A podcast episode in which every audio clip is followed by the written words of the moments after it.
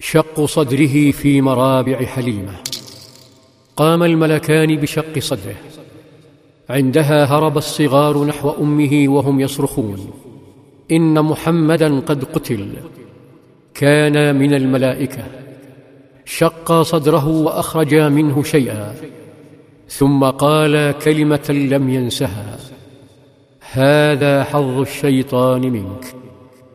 كان الأطفال في ذلك الوقت يركضون نحو حليمة التي سمعت صراخهم فاستقبلت خوفهم وفجيعتهم تسألهم تتصفح وجوههم الصغيرة التي لونها الفزع وتلتقط كلماتهم الخائفة بين أنفاسهم وشهقاتهم المتقطعة تماسكت حليمة وانطلقت تركض لإنقاذ صغيرها.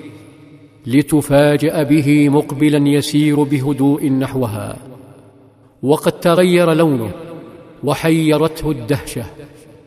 لتعانقه بحرارة وتغمض عينيها عليه وتطوقه بذراعيها.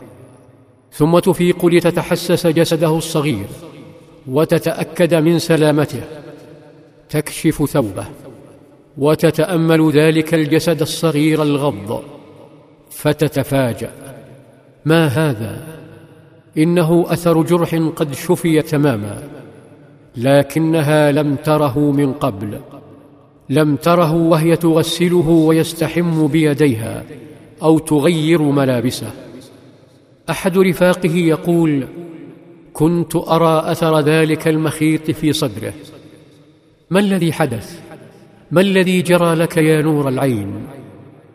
روى محمد عليه السلام لأمه قصة الطيرين لكنها لم تطمئن للأمر فلا يمكن لجرح أن يندمل في دقائق ولم تدر أنها أمام معجزة ستخلد اسمها واسم ديارها فاستبد الخوف بها وخشيت أن يكون للجن يد فيما حدث. فاردفته وتوجهت به نحو آمنة في مكة وأخبرتها بما حدث. لكن آمنة طمأنتها وقصت عليها الرؤيا التي رأتها قبل ولادته لتودعه حليمة وتودع قلبها معه. أما محمد عليه السلام فبقي في مكة يعطر طرقاتها وساحاتها ببراءته وعذوبته بين رفاقه. وقد يأخذه جده عبد المطلب معه للطواف بالكعبة أو للتبضع بين الدكاكين والأسواق. ثم يعود إلى أمه آمنة ليقص عليها ما فعل.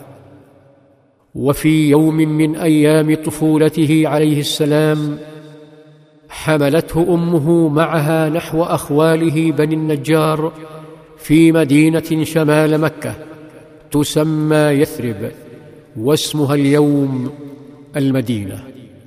حيث بقي محمد عليه السلام فترة من الزمن يلهو ويلعب مع أطفال يثرب وفي دروبها وبين نخيلها وهو لا يدري أنه سيعود يوما إليها ليغير اسمها ويقيم عليها دولة جميلة. في ذلك الوقت كان اليهود منتشرين في طرقات يثرب وأسواقها. جاءوا لمدينة يثرب ينتظرون نبيا سيهاجر إليها ويؤسس دولة عليها ويهزم أعداءه العرب انطلاقا منها حيث يقول كتابهم إنه يهاجر من جبال فاران أي من جبال مكة نحو أرض ذات نخل. في ظلال السيرة.